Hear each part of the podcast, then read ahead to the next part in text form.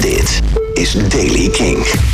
Nieuws over Nick Cave, Radiohead en The Gorillas. Dit is de Daily King van donderdag 9 april. Nick Cave en de Bad Seeds hebben een nieuwe datum bepaald voor het concert in de Ziggo Dome... dat op 29 april zou optreden. Ze komen nu op 11 april 2021. Radiohead is begonnen met het dagelijks delen van een nieuwe liveshow uit het archief op hun YouTube-kanaal. Totdat de beperkingen die het gevolg van de huidige situatie zijn versoepeld of we geen shows meer hebben.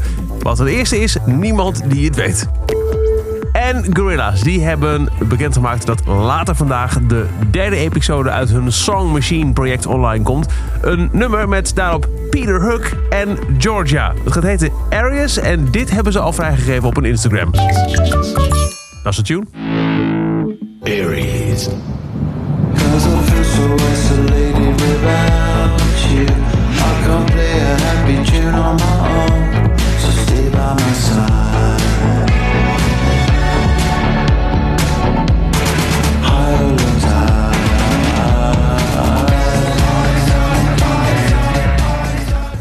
Later vandaag meer Arius, de nieuwe dus van Gorilla's met Peter Hook en Georgia. Volgt op de andere twee liedjes die we wel kennen uit hun Song Machine project... waarbij wij ze samenwerken met meerdere artiesten, namelijk Momentary Bliss en Désolé.